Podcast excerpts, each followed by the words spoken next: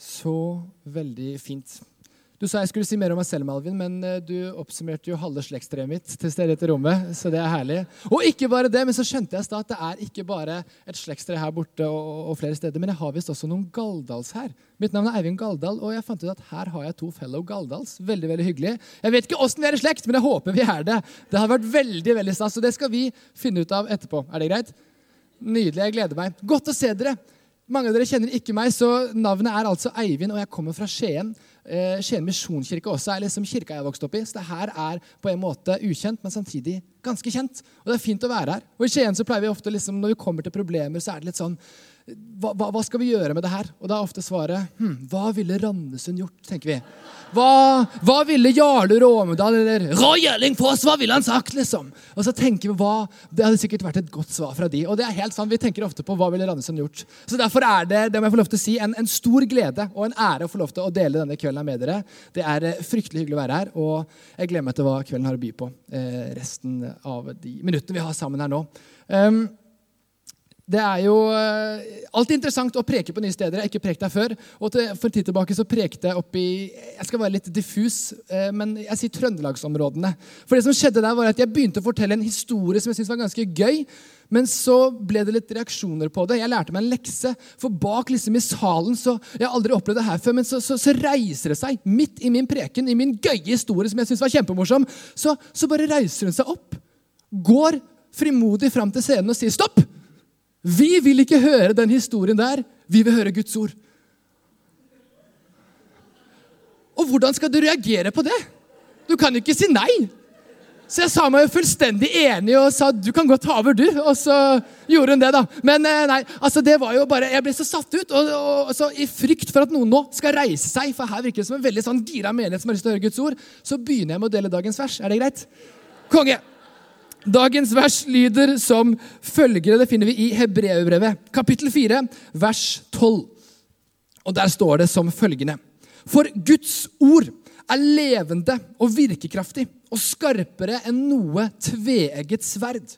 Det trenger igjennom til det kløver sjel og ånd, marg og bein, og dømmer hjertets tanker og planer. De neste minuttene vi har sammen nå, så har jeg lyst til å brette ut for oss hvordan det kan se ut at Guds ord ikke er en 2000 år gammel håndbok, men et levende ord som er virkekraftig, og som går rett til sjel, marg og bein.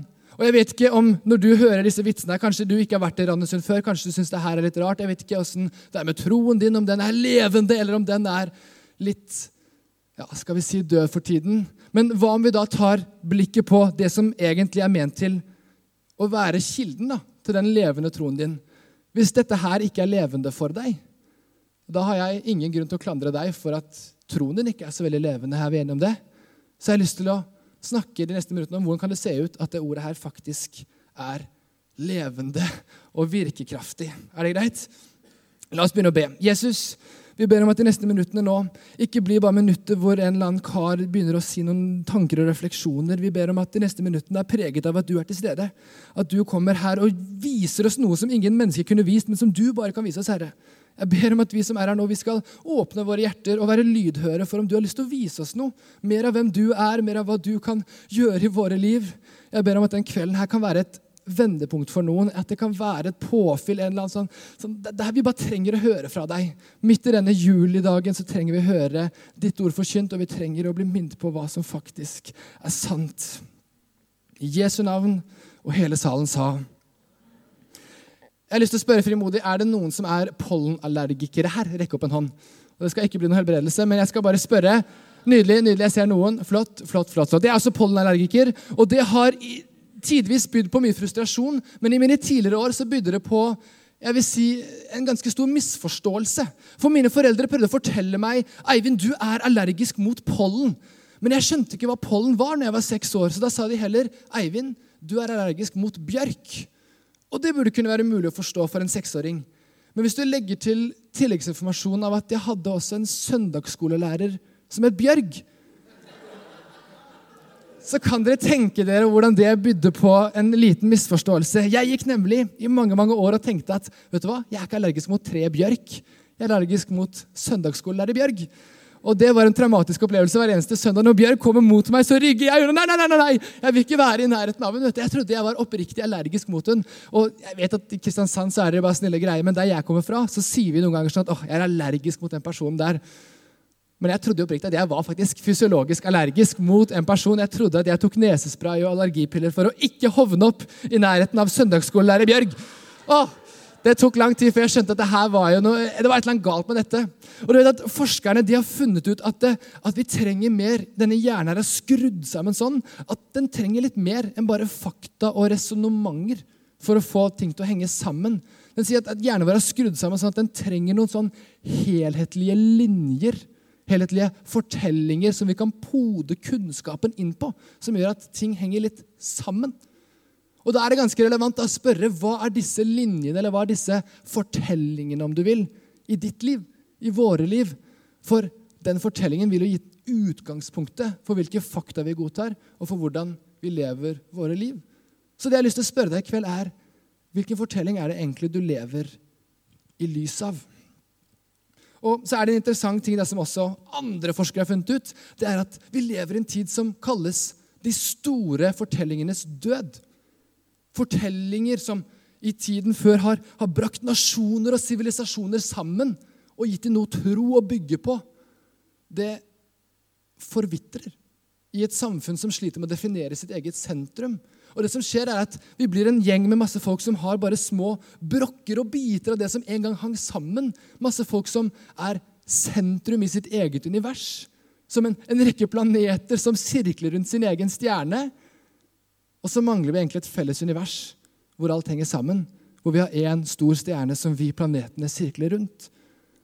Og De siste månedene har vi jo sett at det går an å sirkle så mye rundt sin egen stjerne at man kan tro at jeg pga. min rase eller min etnisitet er mer verdt enn noen andres. Og midt i min frustrasjon etter å peke på de sier du tar feil, du tar feil, du tar feil, så har jeg blitt litt sånn utfordret på å snu motvillig den fingeren mot meg selv og spørre hvilken fortelling er det jeg lever i lys av?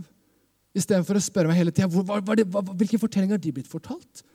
Hvordan, hvordan, kan de si noe sånt? Så tenker jeg, men hva med meg? Har jeg noe i mitt liv som er verdt å ta tak i, siden den linjen som jeg bygger livet mitt på, den er kanskje ikke så ren som jeg trodde?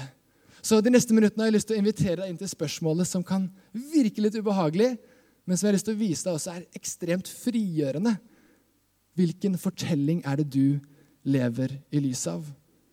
Og hvordan lever du livet i lys av den? De var En tid tilbake så fant eh, en gjeng et, et Shakespeare-drama. Det var på fem akter. Men så manglet de den femte akten, så de hadde bare fire. Men de første fire aktene de inneholdt en sånn rikdom at de var enige om at det her kan de ikke bare la gå til spille. Vi kan ikke legge de her aktene i en skuff. Vi er nødt til å gjøre noe med det. Men samtidig kunne de ikke skrive en femte akt for Shakespeare. Det er jo ganske dårlig gjort. Så de tenkte hm, hva kan vi gjøre?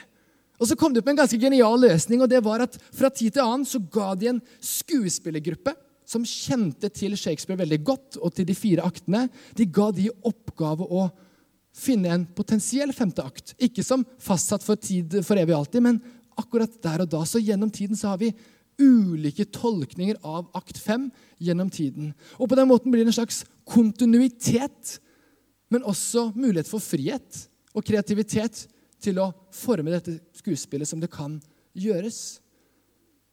Og så har jeg funnet ut at På samme måte er det litt med Kirken. At det er en fortelling som allerede er fortalt, som vi kan lese om her.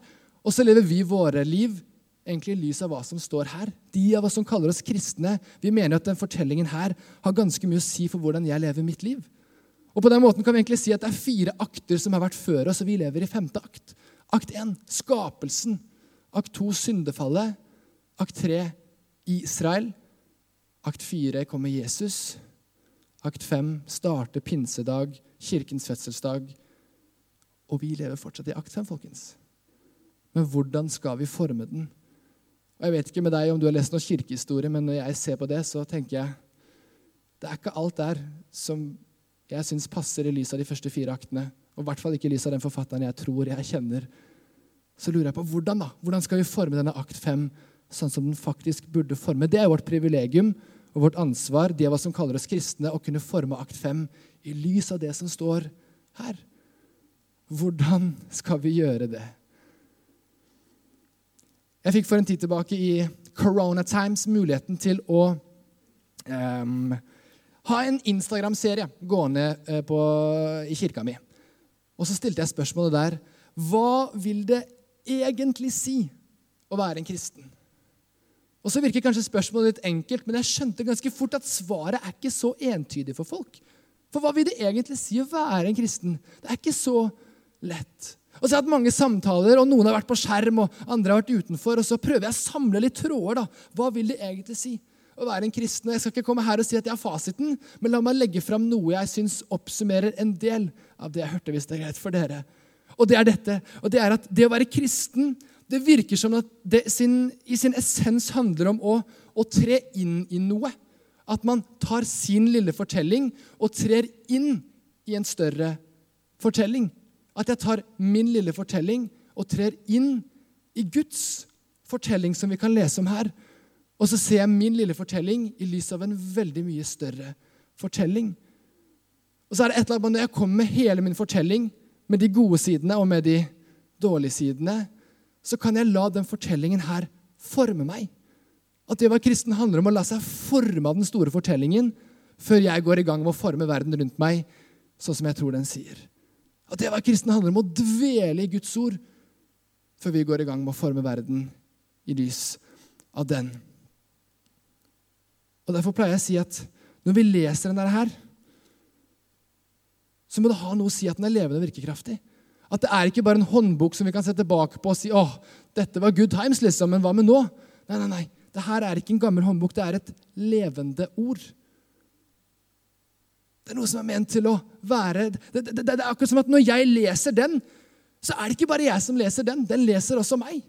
Når jeg leser historier og tanker og, og, og ting herfra, så er det som at jeg kan kjenne meg igjen. Jeg kan relatere meg, jeg kan kjenne igjen responsen fra Jesus som at den var rett til mitt eget liv. Dette er ikke bare en håndbok, det er et levende ord, en levende fortelling. Og Derfor er ikke Guds ord noe vi skal se på, har jeg skjønt, men det er noe vi skal se gjennom. Det er noe vi skal se vår verden gjennom. Hvorfor? Fordi Guds ord er levende og virkekraftig og skarpere enn noe tveget sverd. Guds fortelling er ikke bare noe vi ser på, det er noe vi kan se rasisme gjennom. Guds fortelling er ikke bare noe vi ser på, det er noe vi kan se urettferdighet gjennom. Og når vi ser det som skjer rundt oss, så kan vi med linsen av det vi leser her, så kan det gi oss en grunn, det kan gi oss en retning, en veiledning til hva jeg kan gjøre med det jeg ser rundt meg. På den måten så er det ikke bare en følelse inni her. Jeg føler det er rett, jeg føler det er galt. Som kristne har vi et fantastisk privilegium. Vi har en sannhet her som vi kan lene oss på. Fordi det står her, fordi det allerede er en Gud som har sagt noe, så kan jeg handle i lys av det. Det er et fantastisk privilegium. Men Vi liker veldig gjerne å ha sannheten her inne, men så er det også en ekstern sannhet som vi kan gjøre intern. Men snakk enkelt er jo snakk enkelt. Det handler om at Guds ord ikke bare er noe vi ser på, det er noe vi ser gjennom. Det er en levende fortelling som vi kan se vår verden igjennom. Og hvorfor skal vi gjøre det, Eivind? Hvorfor skal vi gjøre det? Kanskje ikke det er så innlysende. Jeg har lyst til å fortelle dere om en, en ganske kul opplevelse jeg hadde da jeg var sånn 10-11 år. Jeg håper noen kan kjenne seg igjen. Kanskje eh, tør jeg påstå litt mer i min generasjon. Og Det er første gangen jeg så en film, ikke i 2D, men i 3D. Oh, hvem, hvem, kan huske første gangen du så en film i 3D? Det var, oh, wow, For en opplevelse! Altså på en måte, Film er jo gøy i seg selv, men plutselig kunne du ta på deg et par briller, og så kom det liksom ting ut av skjermen. Det var helt rått! wow! Og så er det egentlig en enkel uh, oppfinnelse, men det, altså, det, revolusjonerte jo min opplevelse av å se film. Og jeg husker Første filmen jeg så, det var Småspioner. Ikke én, ikke to, men 3D! Åh, Husker du den, Line? Fy søren, så tenkte jeg liksom, ah, Det som var så kjipt, var at det, nå tenkte jeg at hver eneste film jeg skulle se i 3D, måtte være film nummer tre. For Småspioner 1-2 var i 2D, og så var det liksom 3D. Jeg tenkte, ah, kom det en kul film, tenkte nå må jeg vente til tredje oppfølger liksom, før jeg kan få lov til å se den i 3D. Så jeg hadde ganske mange misforståelser i min barndom. Men det var så kul opplevelse å få lov til å se liksom, 3D, ting kom ut av skjermen. Og så har jeg lyst til å gi en liten parallell her nå, for jeg skjønte at du, det er en eller annen sammenheng mellom 3D og Guds ord. Jeg henger med meg nå, og det er dette. At i likhet med 3D så er det som at Guds ord det fører oss inn i mer virkelighet ikke mindre. Hører dere meg? Det fører oss inn i mer virkelighet, ikke mindre. Og jeg er lei av at et manuskript i akt 5 er at kristne er naive, at vi har skyggeløpet på og ikke ser hva som skjer rundt oss. Det, er, det hører ikke hjemme der. Kristen tro er ikke en virkelighetsflukt. Det er en virkelighetsåpenbaring. Vi ser mer. Hvorfor? Fordi Guds ord er ikke bare noe vi ser på, det er noe vi ser vår verden gjennom. Og jeg kommer til å kjempe til den dagen jeg dør for å si det. Kristen tro er ingen virkelighetsflukt. Det er en virkelighetsåpenbaring. Vi ser mer, ikke mindre. Og jeg er så lei av det å høre. Og jeg skjønner at folk tror det noen ganger, men tenker jeg nei, nei, nei, det hører ikke hjemme der. Vi ser mer. Og så handler det om å se mer enn bare et nytt perspektiv. For hvis det her var bare en håndbok, så hadde det vært litt sånn hm, Det var en interessant tanke. Hm, ja, det var kult. Men hvis det faktisk er levende, da handler det om noe mer. Det handler ikke om å se tilværelsen med et nytt perspektiv, men med nye øyne. Kanskje noen har kjempet bibelvers hvor det står Nei, den som er i Kristus, er en ny skapning. Det gamle er borte.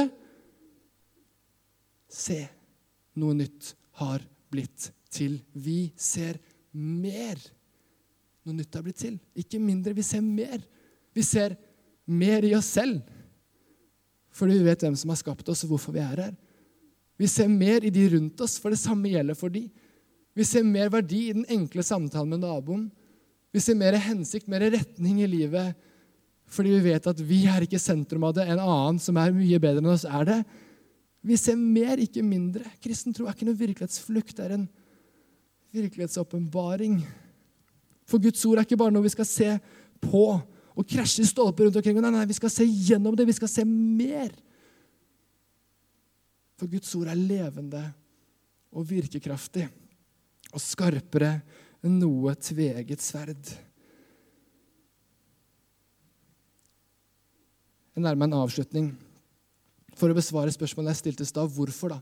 Hvorfor skal det her være sant, Eivind? Hvorfor skal jeg se gjennom boka? Hvorfor? Jeg, jeg skjønner noe av det du sier, liksom. Men hjelp meg å forstå hvorfor. Og spesielt hvis det er noen her som ikke tenker egentlig at Guds fortelling nødvendigvis er sann. Kan vi kanskje ikke bekjenne seg som en kristen, så har jeg lyst til å si dette. Og det her er, i hvert fall, det her er min tro. Og det er at historien om deg, den begynner egentlig ikke med deg den begynner med Gud. Historien om deg begynner ikke med foreldrene dine, ikke besteforeldrene dine. Den begynner med at en personlig skaper tenker at ja, ja Jeg vil se det mennesket der inni mitt skaperverk. Jeg har lyst til å se det. Jeg har lyst til å se Gabriel Aslaksen. Jeg trenger han inn i det skaperverket der. Jeg har lyst til å se Erik Tryland, den galningen, inn i skaperverket. Jeg trenger det! Jeg trenger en som han Jeg trenger en Jarle Råmedal, jeg trenger en Helle Sørli, jeg trenger flere Det starter ikke med oss, det starter med Gud. Med hans ønske om at vi skal inn i skaperverket. Og det betyr at Guds fortelling, det er også min fortelling. Og min fortelling er også Guds fortelling. Og det er jo det som er essensen av å være kristen, er det ikke det? at min fortelling er ikke bare min fortelling, det er Guds fortelling. Og det er som at Når vi finner oss selv, min lille fortelling med feil og mangler, i lys av den store fortellingen, så finner vi oss selv i en mer romsligere, mer sammenhengende verden. Hvor det er mer hensikt, men det er også nåde å finne. Og ting begynner å falle litt på plass. og det er, det er derfor jeg gjør det jeg gjør. Det er derfor jeg har lyst til å snakke med dere i kveld. For det beste jeg kan se, det er et menneske som er fortapt, som ikke helt vet hva det her handler om om du så har kalt deg en kristen eller aldri en kristen, og så ser man at ting begynner å falle på plass, og så er det sånn Ja, dette begynner å gi mening. Og da mener jeg at da, da kan du kalle deg en kristen. Og så er du i gang med en fantastisk, rar, vanskelig, kul, spennende reise som tar deg med på så mangt. Men det handler om dette, folkens, at Guds ord er ikke bare noe vi skal se på, vi skal se gjennom det. For Guds fortelling er også min fortelling. Og min fortelling er også Guds fortelling. Og hva sier Guds fortelling, Eivind, til slutt, hvis det er noe tvil? Akt 1. Gud skaper mennesket, skaper deg, tenker på deg. Mennesket vender ryggen til Gud. Det gjør vi også. Israel prøver ut dette. Du har kanskje prøvd ut dette.